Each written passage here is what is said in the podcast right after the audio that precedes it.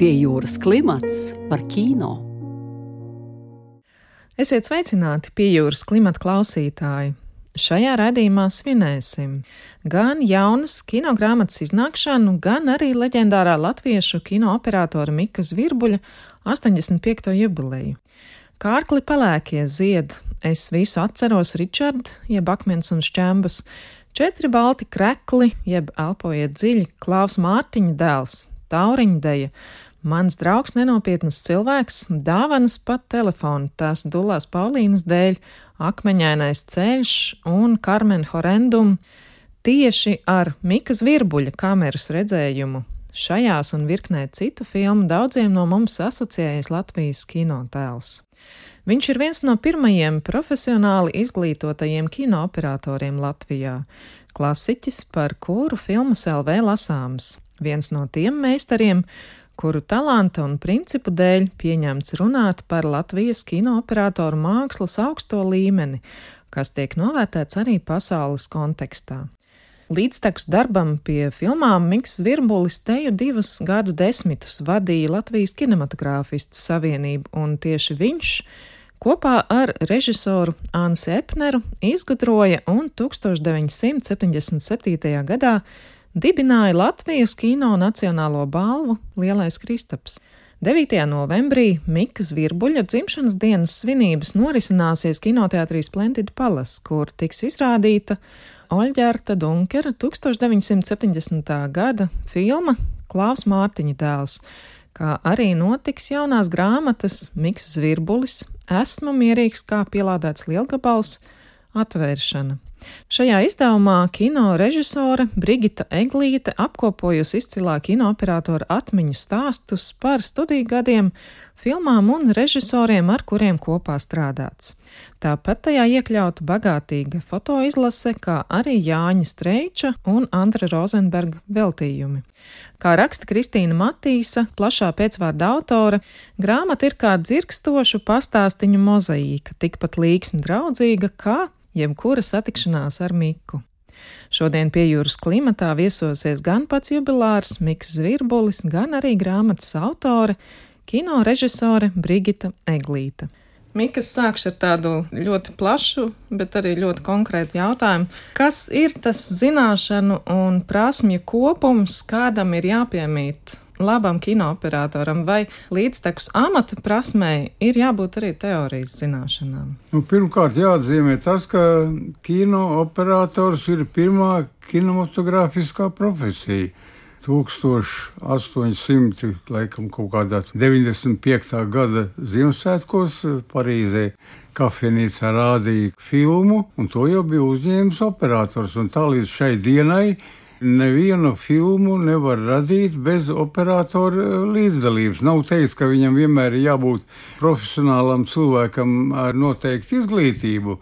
Bet ar eh, operatoru funkcijām, ar pienākumiem, ar izpratni to bieži vien var darīt arī kāds cits cilvēks. Un vēl viena tāda lieta, ko es domāju, kas ir ļoti svarīga, ir vesela virkne radošu profesiju, kur cilvēks var vienatnē radīt savu mākslu, pie tam brīvi izvēloties gan laiku, gan apstākļus, kā to darīt. Ar uh, operatoriem tas nav iespējams. Viņš vienmēr ir bijis cilvēks, kuru man tā reizēm gribās salīdzināt ar aktieri, kurš darbojās kolektīvā kinematogrāfistu grupā un galvenokārt pēc zināmu noteikumu, kas saka, ievērošanas ir bezgalīgi reti gadījumi, kad operators pats var izvēlēties, ko filmēt. Nu, tas, protams, protams, ir iespējams kronikas sižetos, varbūt arī reizēm tādā dokumentālā filmā, bet e, mākslas filmā ir, ir jāatzīst, ka uz e, komandas tilteņa atrodas kapteinis, un tas ir režisors. Un, ja jūs jautājat par to, kas ar kādām īpašībām ir jābūt tur apveltītam, tad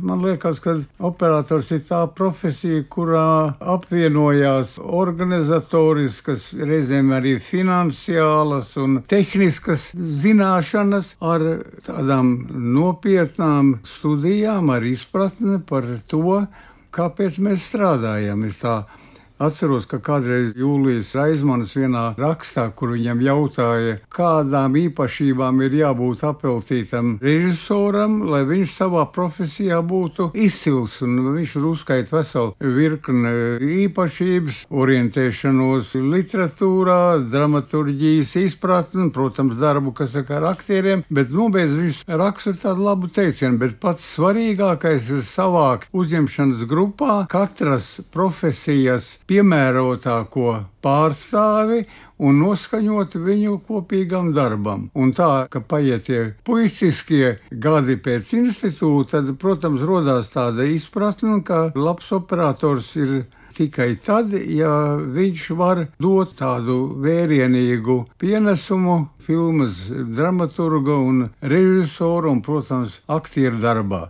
Es zināmā mērā nu, operatoru darbu var salīdzināt ar tādu virtuves cilvēku, kas konservē nu, rudens labumus, jo zināmā mērā tas, ko viņš var fiksēt filmā, tas ir arī tas noteicošais, ne tikai tādā vizuālā ziņā, bet bieži vien arī domas ziņā, kāds ir tas galīgais iznākums. Un es to vairāk kārt esmu teicis, kad pirmajā ķinītī kārkla pelēkie ziedi, kas tika filmēta bez diploma, bez institūta pabeigšanas, kas vēlāk kļuva par nu, diplomu darbu. Man ļoti pārsteidza tas, ka uzfilmējot kadru ar Viju Artmani, Viņa nāk pie manis, galīgs taču puikiņš, gan pēc gadiem, gan pēc pieredzes, un jautā, nu kā. Un es viņai, eh, nu, saku, es saku, kāpēc pie manis, nu, re, kur ir taču režisors piestāv. Jā, bet tu esi vienīgais, kas manī redz tādu, kāda es būšu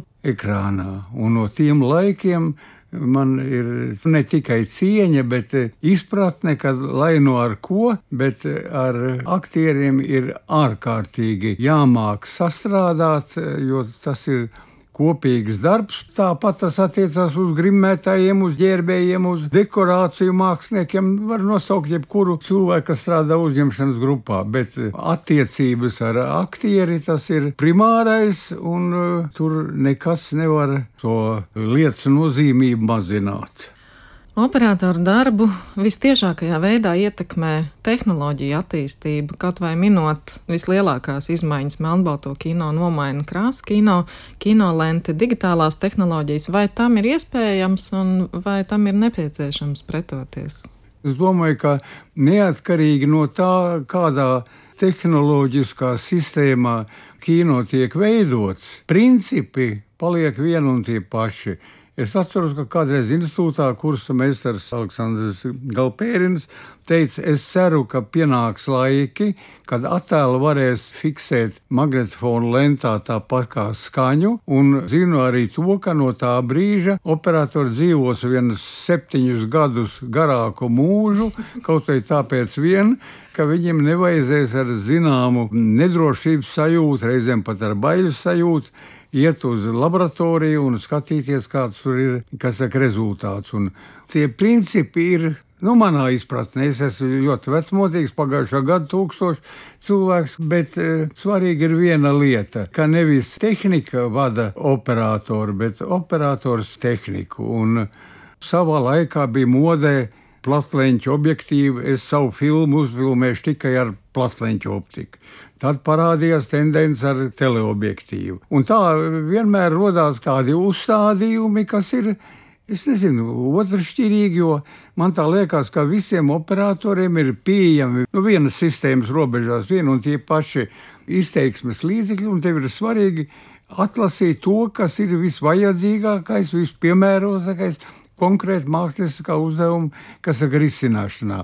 Un tad, kad parādījās video kameras ar automātisko asumu, arī ar ekspozīciju, tad man liekas, ka tas bija viens e, milzīgs atkritiena solis operatoru mākslā, jo cilvēki paļāvās ņemot vērā arī vēl magnetofonu e, lentas vai disku lētumu, nu, kā lai saka, tāda paviršā attieksme.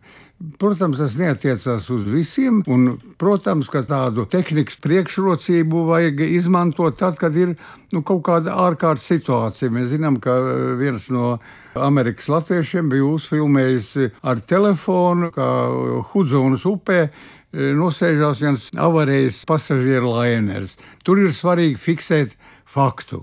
Bet, ja tu veido kaut ko nu, tādu nopietnāku, tad ir tomēr ļoti jāpārzina tehnika un jāprot izmantot. Man pat šķiet, ka bieži vien atkāpšanās no normas, no tādas zināmas standarta, no tāda pieklājīga un vispārināta risinājuma, labā operatora darbā parādās dziļa individualitāte tikai tāpēc, vien, kad viņš prot viņam pieejamo tehniku izmantot, kas saka, mākslinieckā risinājuma vajadzībām. Tauriņa deja dāvāns par telefonu tās Dulās Paulīnas dēļ, Karmen Horendum, komēdijas, kara drāmas, krimināla drāmas. Jūs esat strādājis tik dažādos žanros. Ko katrs no tiem prasa no operatora un kurā žanrā jūs esat jutis vislielāko māksliniecisko brīvību? Es varu teikt, ka es nekad neesmu filmējis kostīmu filmas vai tādas izteikti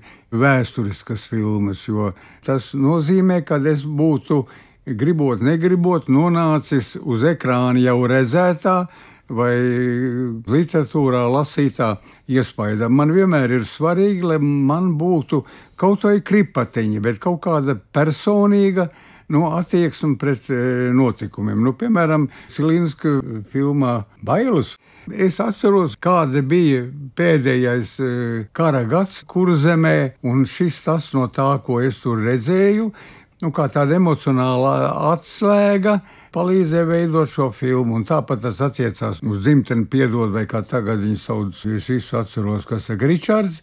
Man tā liekas, ka bez šīs personīgās, nevis varbūt pieredzes, bet tāda impulsa filmas veidošanā vispār ķinīt nevar uztaisīt. Un, ja jūs man prasāt, kura ir īpaša filma, tad jāsaka tā, ka katra filma jau sevišķi ar gadiem apaug ne tikai ar to rezultātu, ko var redzēt uz ekrāna. Protams, kad pirmajos darbības gados bija ļoti svarīgi, kāda ir kritikas vai publikas atsauksme, un pēc tā vērtēju savu darbu. Bet vēlāk es vairāk vērtēju padarīto pēc tās sajūtas, ko man šī filma ir devusi radošajā procesā.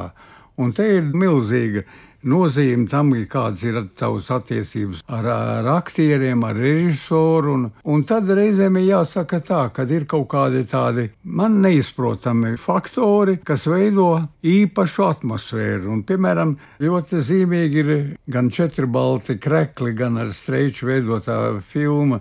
Mans draugs nenopietnas cilvēks, kuras abas bija tādā atbrīvotības pakāpē, tādā Es nevaru to saukt par kaut kādu īpašu tādu iedvesmu, bet ir kaut kādas tādas lietas, ko es neprotu vārdos noformulēt, ko es zinu, ka tikai tā viņas rodās, un vai viņa ir, vai viņa nav. Bet tas īpatnējākais ir tas, ka, ja ir šī īpašā atmosfēra, tad tā filma ir vai nu viņa ir tajā kino mākslas kanonā, vai viņa ļoti tuvu. Man liekas, ka abas šīs filmas laikam ir, bet tas ir tāds nepārprotam, neapstrīdam, kas saka patiesība. Un bieži vien bija tā, ka filma varbūt pat par sevi nedod tādu lielu māksliniecisko apmierinājumu. Bet bieži vien tas pats tas process, kā tā filma top, ar kādiem cilvēkiem tu satikies, kur tu dzīvoji, ko tu ieguvi, tas bieži vien ir nenotverami vērtīgāks nekā varbūt tas filmas rezultāts uz ekrāna. Jūs esat strādājis ar režisoriem Rolandu Kalniņu, Olģertu Dunkeru, Jānis Streiču, Aloizu Brēnču, Pēteru Krilovu, Gunāru Cilinsku un citiem. Vai starp operatoru un režisoru valdošais noskaņojums ietekmē to gala rezultātu, ko mēs redzam uz ekrāna, vai operatora režisora veiksmīgs duets ir savā ziņā garants labai filmai? Nu, viens no pamatjautājumiem ir tas literārais materiāls dramaturģija. Piemēram, ar Rolandu Kalniņu Pēc tam tas ir nevienreiz vien ir jautāts, nu, kā jūs strādājat ar Rolandu Kalniņu. Nu, nekur nesēdējām tā pie viena galda, izņemot kaut kādas atsevišķas epizodes, kur bija jādomā par dekorācijas uzbūvi un iespēju ar kameru visu to fiksēt. Nu, ar Rolandu tas veidojās kaut kā pats no sevis bez tādas teorētiskas spriedelēšanas. Un tāpat, zināmā mērā, ar streiču, jo streiči ir cilvēks, kas man ir pārsteidzis ar to, ka viņš ir šādi teicis, zinu, ko, nu, tu man lūdzu uzfilmē to un to, kas ārpus varbūt scenārija, nu, kaut kāds tāds, it kā tāds garām ejošs kadrs. Un es tā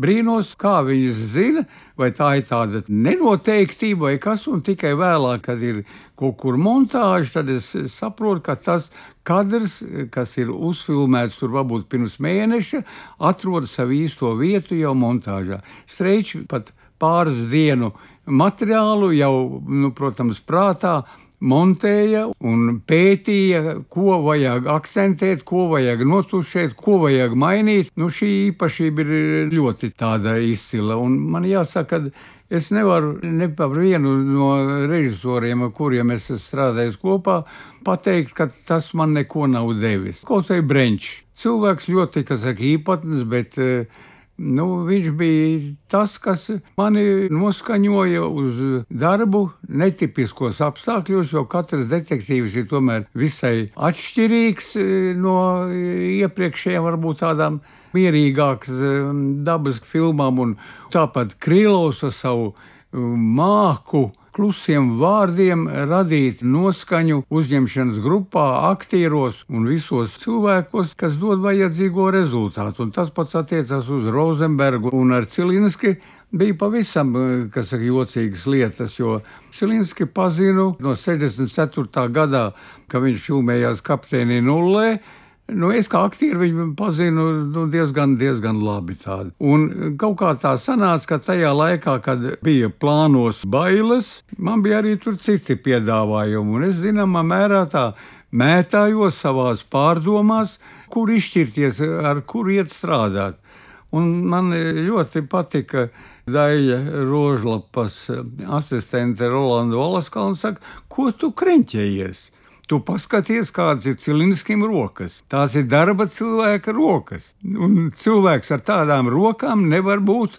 Nu, es neteikšu, kā viņi tur tā apzīmē, ne, bet tā bija liela, liela patiesība. Un Gunārs nu, arī varbūt bez kaut kādas tādas īpašas noskaņas ļoti plaši ļāva man pašam kaut ko pētīt, likt priekšā, piedāvāt, un tas viss tika vai nu pieņemts, ja kaut kādās pārunās atkal zinām apsvērumu pēc, kas saka, nepieņemts. Un tā tas ir ar visiem, un ar Rolandu Kalniņu sevišķi, jo es sevišķi tajos pirmajos gados jau nu, bija tāds stiprs, nesavākts un bijušas tādas situācijas, kad es esmu par kaut ko nokreņķējies, ieraugot uzfilmēto materiālu. Un es esmu Rolandam teicis, nu, klausies, nu, tas ir jāpārfilmē, tas taču ir galīgais, nu, mēsls tāds. Un Rolanda varēja vistiešākā veidā pateikt savas domas, un viņš nekad lielākā gadījumu skaitā neatbildēja uzreiz. Viņš padomāja un teica, zini, ko, vai nu tev ir taisnība, vai mēs paliekam pie tā varianta, tāpēc, un atkal, kas ir pamatot.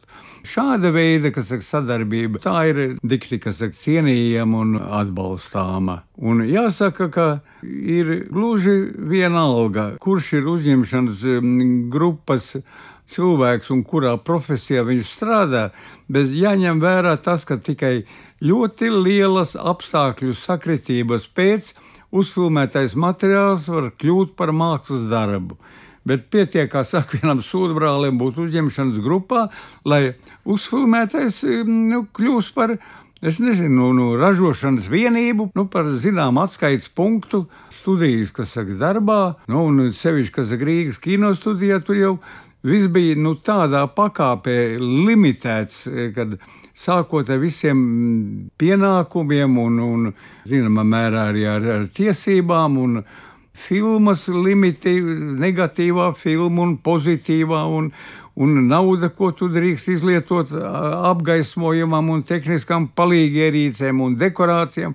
Un ja tev kaut kur rodās tāda atkāpe no tā nepamatot, vai tas uzreiz ir saistīts ar kādām soda izpausmēm no direkcijas puses, un vēlāk tas var pāraukt arī naudas sodos, un ne tikai e, operatoru darbu novērtējumam, bet arī pat uz visu uzņemšanas e, grupu. Tā kā limiti, limiti, limiti bija nu, pasakaini. Bet atkal no otras puses, man liekas, ka katrs aizliegums, tāpat tas attiecas arī uz tādu padomu laika, kas saka, cenzūru, tevi mobilizē uz to iebildumu pārvarēšanu, neko nezaudējot no ieceres. Un šajā ziņā, kā atkal man kā piemērs, jāmin ka Rolands, kas ir varbūt visvairāk ir cietis no visādiem, kas saka, iebildumiem, kad ir atsevišķās lietās kaut kur piekāpies, bet vienmēr ir meklējis risinājumu, kā to pārvarēt. Un, protams, kad Rolands jau nebija vienīgais. Viņš varbūt Rīgas kinostudijā bija tas raksturīgākais. Tas pats ir zināms Alova Naumovu biogrāfijā un, un pat arī Doženko. Ir tādas situācijas, kur tev ir jāprot iziet no situācijas, jo ir lietas, kuras nevar tādā prasā veidā, nē, es to nedarīšu, atrisināt kāda būtiska paralēla jūsu darbam, filmēšanas laukumā. Jūs esat vadījis Latvijas kinematogrāfistu savienību gandrīz 19 gadu garumā, un tāpat bijāt viens no Nacionālās kinobalvas iniciatoriem. Cik būtiska kino nozarei ir šāda apvienojoša organizācija, kā arī filmu izvērtēšana gada vai divu griezumā? Redziet, tā lieta ir saka, ļoti vienkārša. Man ir bijušas bezgalīgi daudz tādas situācijas, kad es e, neesmu sapratis, ko un kā vajadzētu darīt. Bet man no laika galā bijuši trīs cilvēki, kuru e, vērtējumā vai ierosinājumos es esmu ieklausījies. Tas ir mans kolēģis Mārcis Rudzīts, tas ir Rolands Kalniņš un Gunārs Priede, kuram pateicoties es esmu ticis pie diplomu un pie vesela virknes kaut kādām tādām lietām. Un Mārim Rudzītam ir viena ļoti būtiska tāda atziņa. Viņš saka, ka viena no lielākajām operatoru kļūdām ir tā, ka viņi ieciklējās, iekapsulējās tikai savas profesijas izpratnē un uzdevumos, bet ka vajag censties to paplašināt. Un tad, kad kaut kur 68. gadā laikam bija runa kinematogrāfistu savienības, tad visi šie trīs vīri, vai nu kopā, vai atsevišķi kaut kur mani skaņoja.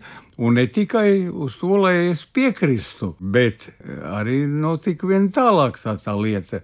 Nu, pagāja kaut kādi pirmie darba tie gadi. Es neatceros, kurš to sāka. Viņš saka, nu redzi, tu daudz ko varbūt esi labi iecerējis un daudz ko varētu labi izdarīt, bet tu netiec klāt pie priekšniekiem stājies partijā. Stājies partijā, jo ne pie Vosa, ne pie vēlākajiem centrāla komitejas vadītājiem tu nevari aiziet. Tāpēc vien, ka tu neesi tajā, tajā rangā. Un jāsaka, arī, arī tas bija, kas saka, pareizi tāds ieteikums. Un, nu, es tā nevisai esmu izanalizējis. Ko es būtu labi izdarījis, nu, īpaši tajā kino savienībā. Es drīzāk zinu, ka es varbūt neesmu neko tā kapitāli slikti izdarījis, bet arī priekš manis personīgi šī darbošanās ir devusi ļoti daudz. Jo es dažādu apstākļu un iemeslu pēc biju, man tā liekas, ļoti draudzīgās attiecībās ar PSRS kinematogrāfijas savienības daudziem cilvēkiem un bieži vien ar tādiem tehniskiem Un jāsaka, ka ir bijusi viena tāda situācija, kur mēs esam uz kaut kādu plēnumu aizbraukuši kopā ar Fritzi Rokpelnu, kino namā un liela zāle un daudz tā publikas un bufete. Un Frits man saka, tā, viņš saka, zini ko, tā sēdēšana būs gara, Mums tā kā vajadzēja druskuļi pastāvēt rindā un, un iestiprināties. Un es tā, tādā neizpratnē, jo man liekas, tā bija viena no pirmajām reizēm, kad es tādā lielā barā. Viņš saka, tu nekreņķējies, es izmaksāšu. Un, nu, mēs tagad stāvam rindā, pienāk no mūsu tā kārta. Un, Viņš saka, nu, cik tā mēs ņemsim? Nu, 50 gramu pa maz, 100 būtu pa daudz. Nu, es tā atkal tādā neziņā, nu, pieejam pie pārdevējas un un viņš saka, divreiz pa 150. Nu, esam to, kas saka, iedzēruši, un esam zālē, un, un protams, izvērtais atstāja tādu zināmu iespaidu, un uzstājās viens no, no kā tagad teikt, Kremlim pietuvinātiem kritiķiem, kas vērtējot PSRS studiju paveikto, attiecībā par Rīgas kino studiju pasaka, Nu, apmēram tāds vārds. Nu, Rīgas kino studijas pagājušā gada produkcija varētu būt un varētu arī nebūt. Viņa neko nevar tajā kopainā ietekmēt. Un man tas ļoti, kas saka, nokaitina, ja viņš būtu kaut kur tā runājis, kaut ko pierādījis. Un, Un es ceļu roku un piesakos pie runas, un uzdevu uz tās tribīnas, un saku tā, ka noklausījos visu to, ko attiecīgais biedrs teica par Rīgas kino studiju. Bet es atkal varu pateikt, tā, ka tādi kritiķi, kā viņš var būt un var nebūt, arī viņa neko nemaina teorētiskajā domā. Un zālē ir tādi aplausi, kad es nevaru saprast, jo es to cilvēku, pret ko es uzstājos, es Nu, galīgi nezināju, nu, pēc vārda kaut kur. Un izēja ārā, un man krīt ap kaklu viena tāda ļoti simpātiska sieviete, un saka, tu pat neapzinies, ko tu izdarīji. Un, un es tagad viņai prasu kaut kādus paskaidrojumus, kas no viņa man apskaidro to, to situāciju. Un izrādās, ka tā bija PSRS Kinematogrāfijas Savienības ārzemes sakaru nodaļas vadītāji. Cilvēks ar diezgan saka, tādu raibu biogrāfiju, bet zināmā mērā es nonācu viņas tādā ļoti labvēlīgā saka, ietekmē, jo kopīgi mēs tā runājam, tādās sapulcēšanās reizēs. Nu, vajag no, no katras republikas, kad tu brauc, nu, kaut kādu ciemkukuli, ja, lai nav jāsēž pie plika galda, bet tā, lai var kaut ko iedot, aprunāties, vai ne? Un tad parādījās kaut kādi grūzijas, kas saka vīnu, un es saku kaut kādu žāvēt zivtiņu, bet viss tas eh, radīja to atmosfēru. Un viņa bija tā, kas man bieži vien teica, tā, tu gribi aizbraukt uz Ziemeļkoreju Kimirsen laikā, vai ne tā? Viņš saka, es tev uz Parīzi vai Londonu aizsūtīt nevaru, bet te es tev varu ielīt. Tātad. Un tā es redzēju Koreju, un tā es esmu redzējis ļoti īpatnējā situācijā Kubu, un es esmu bijis e, Vietnamā vairāk kārt. Man ir tāds iespējas, ka viena lieta ir par kaut ko lasīt un būt informētam, un cita lieta visu to nezināt, bet redzēt pašam ar savām acīm. Un to Naģežda Jakovļa un Volčenko, pateicoties tam, kad es uz gadus biju tajā kino savienībā, Viņi daudz ko darīja manas personīgās izglītošanas laukā. Vai. Kā jūs atšifrētu jau pavisam drīz iznākošās grāmatas nosaukumu Meks Virbulis? Esmu mierīgs kā pielādēts lielgabals. Man ļoti daudz kas, ja manā skorpiona raksturē kaut kas labs, ir e, radies ne tikai no manu darba biedru, no e, Visavienības valsts kinematogrāfijas institūta operatoru fakultātes ietekmes. Nu, nu, vesela virkni ir ātrumā nenosaucamu faktoru, kas e, man ir veidojuši, bet ko es tā skaidri apzinos, ka tie ir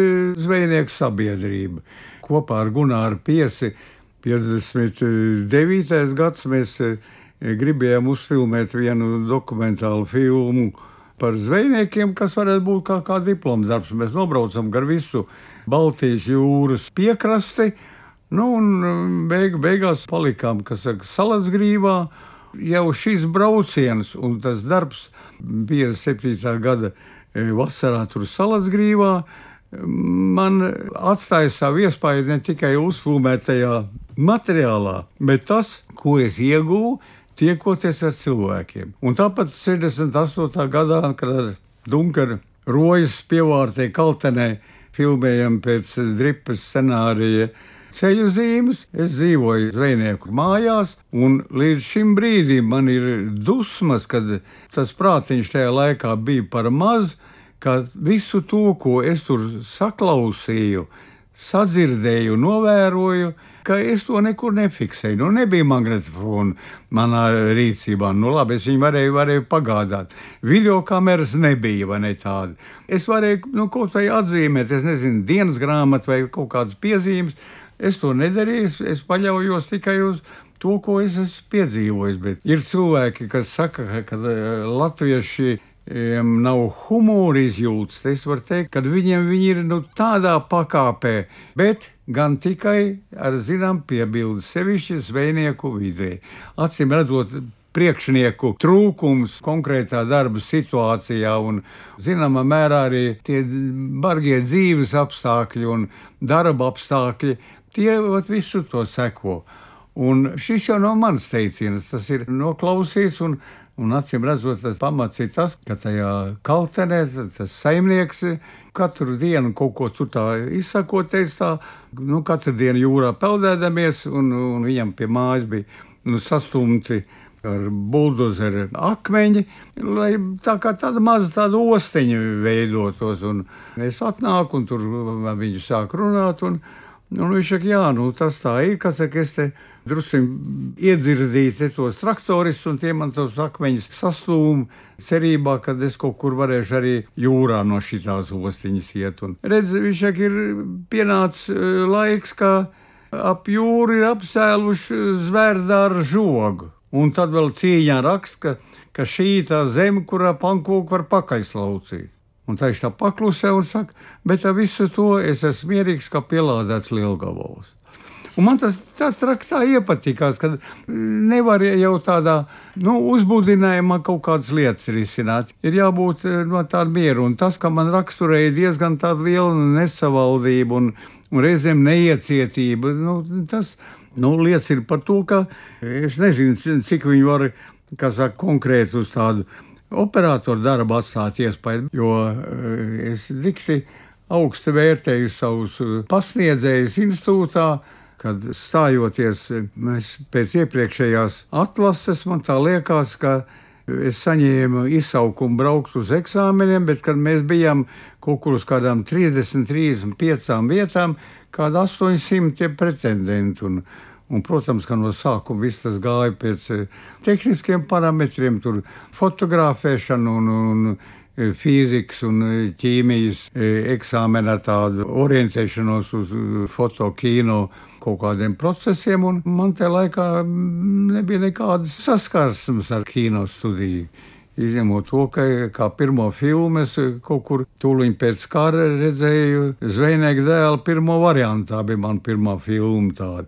Bet e, aizbraucu uz institūtu tikai tāpēc vien, kad es tā teorētiski pēc 11. klases sāku rēķināt, ko es nevaru darīt, kur, teiksim, man nav. Nu, zirbos nav dziedātāja putns, tad ne, ne dziedāt, ne dejot, tur nekas nesanāks. Mamma vienlaikus bija spiesta pēc kara strādāt par skolotāju, un es vēroju viņas darbu. Un, nu, un tā, un vienā rītā es pamostos, un es mammai saku, zini, ko es braucu uz Maskavu. Un viņš saka, dūlēs ar savām krievu valodas ziņāšanām, trūcīgām. Tev taču tūlīt, kas saka, izmetīs un paraus uh, armijā. Un, bet es biju redzējis remarka trīs draugu, vienu ainu tik ārkārtīgi spilgtā tādā nu, redzējumā, kad nu, man tas bija tā pārņēmis, kad es braucu un aizbraucu un sākās tur tāda zināms konflikts ar pārējiem pretendentiem uz institūtu, kuri tādiem negodīgiem paņēmieniem centās samazināt to konkurenci. Un es aizgāju pie operatora fakultātes dekāna Galavņā Anatolija, kas filmēja ar Pudovkinu māti. Un es saku, tā, vai tā patiešām šajā eksāmena situācijā nevar nodibināt elementāru kārtību. Viņš saka, nav, nav problēma, to mēs varam. Bet ņemiet vērā, ka operators nav tikai profesija, bet galvenokārt tas ir raksturs. Tieciet galā paši. Un tas man bija tāds zināms, kas ir tāds stimuls, nu, kad ir lietas, kuras ar dažādiem paņēmieniem, e, ieskaitot e, zināmu blēdību, vai arī jau to sauc par diplomātiju. Un, Svarīgs ir tas, lai, lai būtu tava tā iecerta, un e, tāpat tas varbūt daudziem cilvēkiem ir nesaprotami, bet man kurs meistars Galpērins bija tas, kas bieži vien, nu, kā lai saka, nemācīja profesiju. Un viņš teica, ka, saka, aizejiet, paskatieties to izstādi, palasiet to, nu, tā kaut kā apkārt. Bet viņam bija ļoti daudz tādu tajā laikā pat varbūt nevisai saprotami ierosinājumi. Un, piemēram, viens no tiem bija tāds, viņš saka, Jūs ieiet e, paviljonā, un ja jums tur traucē kaut kur dekorācijā trepes, tad e, jāsaka konkrēti, Feģe, esi tik laimīgs, aiziet paņemt tās trepes un pieslēgt tur. Jo, ja tu neteiksi tik konkrēti, tad vai nu tās trepes noliks tur, kur tev pēc 15 minūtēm viņas atkal traucēs, un viņš atceries to, ka te ir operatora darba tāda specifika, kas ir jādara un jārunā ļoti konkrēti, jo režisori nu, droši vien teiktu tā. vai tā patiešām paviljonā nav neviens cilvēks, kas varētu man tās trepes novākt. Un tad vai nu nav neviens, ja skrien kādi pieci. Un tāpat ir bijušas situācijas, kad Viņš saka, ja jūs ieiet grupas istabā un, un grupas direktors par kaut ko strīdās ar apgaismotāju brigadieris, tad nenoskaidrojot strīdus iemeslu, uzreiz nostājieties apgaismotāju brigadieru pusē. Un kad mēs tādā neizprasām prasījām, kāpēc, viņš ir pienāks tāda situācija, ka šis cilvēks, no kā tik daudz, kas ir atkarīgs nu, tādās grūtās reizēs, e, novērtēs to, ka tu viņu, kas saka, aizstāvēji. Nu, tas, protams, noveda pie tā, ka man ir bijušas tādas reizes, nu, kad patiešām ir tāda smaga situācija. Un šis Inns Derkēvits, Ausums Derkēvits pusbrālis, kas bija brigadieris, pienāk pie manis klāt un saka, tas virbuli, tu nekrenķējies. Mēs aiz tevi stāvam kā mūrmāji. Nu, ar to vien ir nu, milzīgi daudz, kas pateiks, ir, jo tev ir aizmugure. Jā, tad jautājums Brigitai, jau pārējot pie grāmatas tēmas. Brigita, kad jūs sākāt darbu pie grāmatas, vai jau sākotnēji bija plāns tās iznākšanas saskaņot ar Mika jubileju? Darbs pie grāmatas sākās ļoti sen. Miks var man apliecināt, tie ir vismaz 3-4 gadi no idejas līdz eh, realizācijai. Bet, protams, tad, kad mēs sākām, mēs absolūti nedomājām par to, ka tas būs uz apaļu jubileju. Tas jāpasakās liktenim un Mikam, ka tas tā ir sagadījies. Bet sākums bija ļoti vienkārši. Es Miku pazīstu ļoti, ļoti sen. Mēs esam abi divi no kinostudijas, pietiekami jau cienījamā vecumā. Tikai tāda atšķirība, ka Miks strādāja kinostudijas otrajā stāvā kur veido mākslas filmas. Savukārt es strādāju pirmajā stāvā pie dokumentālā kino, un mūsu ceļi kā radošām personām nesaskārās tieši darba ziņā. Mēs viens otru zinājām ļoti labi, bet nu, darbs mums kopā nebija. Bet pagāja laiks, un satikāmies atkal ar Miku kādā no kinostudijas atmiņu vakariem, un es ieraudzīju un atcerējos, ka Miks ir ne tikai brīnišķīgs operators, bet viņš ir arī ļoti labs stāstnieks. Un es domāju, ka Mikā iekšā sēž arī labs rakstnieks. Ja viņš to būtu izmantojis, mums būtu vēl viens brīnišķīgs operators un rakstnieks vienā personā. Un to izmantojot, es, man liekas, ka ir ļoti interesanti Miku uzrunāt, vai viņš nebūtu ar mieru savas atmiņas, kuras viņam ir, manuprāt, unikālas, ļaut iemūžināt. Un Miks faktiski tā no sākuma mazliet skeptiski, tā varbūt ne ar īstu tādu uzticību, bet piekrita. Viņam droši vien dāmai bija nērti atteikt. Un jāsaka, es nenožēloju, mēs laiku pa laikam tikāmies kinematogrāfistu savienībā, es ar savu diktafonu, Miks ar savām atmiņām un, un tādu mazu, mazu pudelīti un mazu glāzīti, to jau nevar slēpt slēpt. Mēs šīs sarunas gandrīz divu gadu garumā, laika pa laikam, atcerējāmies vienu periodu, otru periodu, filmas un visu pārējo. Es to fiksēju un līdz nonācām, nu, līdz tādam rezultātam, kad varēja runāt ar izdevniecību, Latvijas mēdīņiem, piedāvāt šo te darbu un nu, nonākt līdz grāmatai. Un jāsaka, ka Mikam pie tā, ka viņš ir brīnišķīgs stāstnieks, Mikam ir arī fenomenāla atmiņa. Cilvēks atceras gadījumus pirms 50, 60 gadiem. Man grūti atcerēties, kas bija pagājušā nedēļā. Miks ir precīzi atcerējies pat vārdus un uzvārdus. Par to viņam vislielākā uzteikšana, jo tas ir aprīnas vērta īpašība. Nu, vai tā īpašība tas ir raksturs vai ne? Jo operatoram jābūt gan vērīgai acī, nu, tagad es redzu arī ļoti labai atmiņai. Un, protams, arī stāstniekam. Grāmat... Tas nu nav taisnība. Zini, jo operatori nav runātāji. Saka, tā nav viņa pamata funkcija. Bet eh, droši vien, ka tas darbs kino savienībā un tie labie man tie kolēģi apkārt, ka tie varbūt ir kaut kā noskaņojuši. Un otra lieta, es atvainojos brīdi, ka es tev tā pārteicu, pateikšu tikai viena lieta ir. Man ir tāda sajūta, ka Nu, 50. gadu beigās sāka celt Rīgas kinostudiju, 91. gadā viņi galīgi e, nojuka. Bet tas ir vesels posms, tas ir vēstures nogrieznis Latvijas kino attīstībā. Un man tā liekas, ka e, to man ir teikuši arī cilvēki maskavieši, kas ir piemēram, Eizensteina muzeja vadītāji, kad vajag savākt ne tikai to, kas ir nu, tāds kino kritiķu darbs, bet to, kas rada priekšstatu par to atmosfēru, kādā tas kolektīvs dzīvoja, jo tas bija nu, tomēr zināmā mērā unikāla parādība.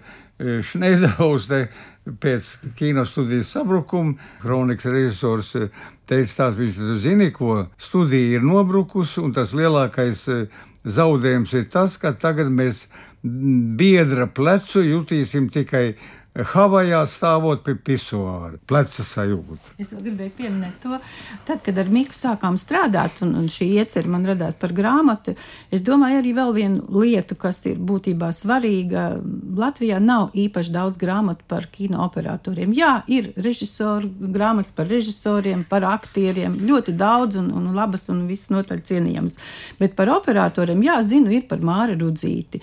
Vēl ir eh, Silvijas Līces grāmata par operatoriem operatoriem tāds neliels ieskats, bet par vienu operatoru man šķita, ka Miks to ir pelnījis. Un ne tikai viņš viens, protams, būtu jauki, ja par daudziem operatoriem būtu grāmatas. Grāmatu veido dažādi stāsti, mika atmiņas, no kurām vairums ir veltīti atsevišķai filmai vai kino personībai, bet pāris iekļautajām atmiņām ir arī citi stāstnieki - Jānis Streičs un Andris Rozenbergs.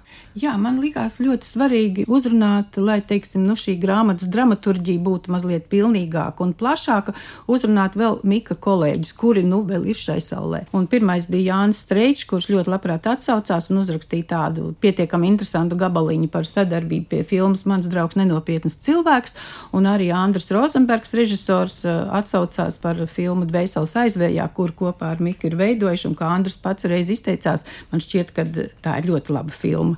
Protams, jāmin arī Kristīna Matīs, kas uzrakstīja brīnišķīgu pēcvārdu par šo grāmatu, izlasīdam tikai manuskriptu. Viņa arī vēl grāmatu nav redzējusi.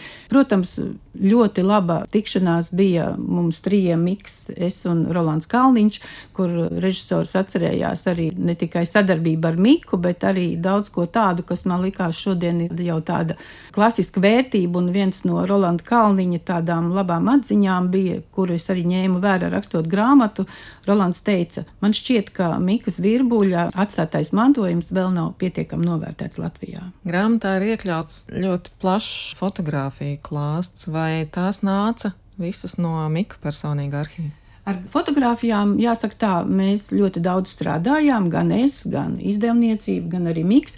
Ir ļoti daudz no Mika arhīva, jā, daudz ir arī no mana personīgā arhīva, no mana vīra arī dažiem materiāliem un kino muzeja materiāli. Mēs ļoti piestrādājām arī, lai atrastu daudzo fotografiju autorus, ar viņiem vienotos par šo fotografiju izmantošanu, bet esmu priecīga, ka tas ir izdevies pateicoties arī daudziem kolēģiem, kas strādāja pie grāmatas veidošanas ražošanas, gan mākslinieki, gan izdevniecības darbinieki. Jā, jā, tas ir gan Mika arhīvs, gan mana arhīvs, gan arī paldies Kino muzejam. Jau pēc pāris dienām, 9. novembrī, gan Mikas Virbuļa dzimšanas dienas svinības, gan arī grāmatas atklāšana, kāda tā ir iecerēta. Jā, man šķiet, tas būs ļoti interesants pasākums, kuru aicinu labprāt ik vienu interesantu ierasties kinoteātrī Splendid Palace, jo šis būs gadījums, kad varēsim vērot unikālu 35 mm filmu. Klaus Mārtiņdēls, kuru filmējis ir Miks, kā operators un režisors Oļģēts Dunkers, un filma būs šajā te nesējā, kuru šobrīd redzēt kinoteātros nav nemaz tik bieži tas iespējams.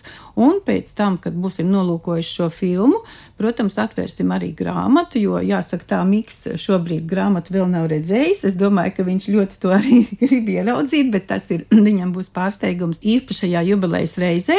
Nu, lūk, un izbaudīsim to, un kopā ar skatītājiem varēsim sveikt Miku tieši 9. datumā. Ir viņam šī 85. jubileja, un pabūt kopā un atcerēties to, ka nu, kino tomēr ir mūsu liela bagātība, un filmu izvēlējās tieši Miks. Un šī filma tiks vesta no kino arhīva, pateicoties valsts kinofonofono dokumentu arhīvam par to, ka viņi šo kopiju sameklēja, viņu sakārtoja tādā stāvoklī tehniskā, lai mēs viņu varam rādīt. Un es domāju, ka tas ir pietiekami labs notikums, lai uz viņu nāktu un skatītos.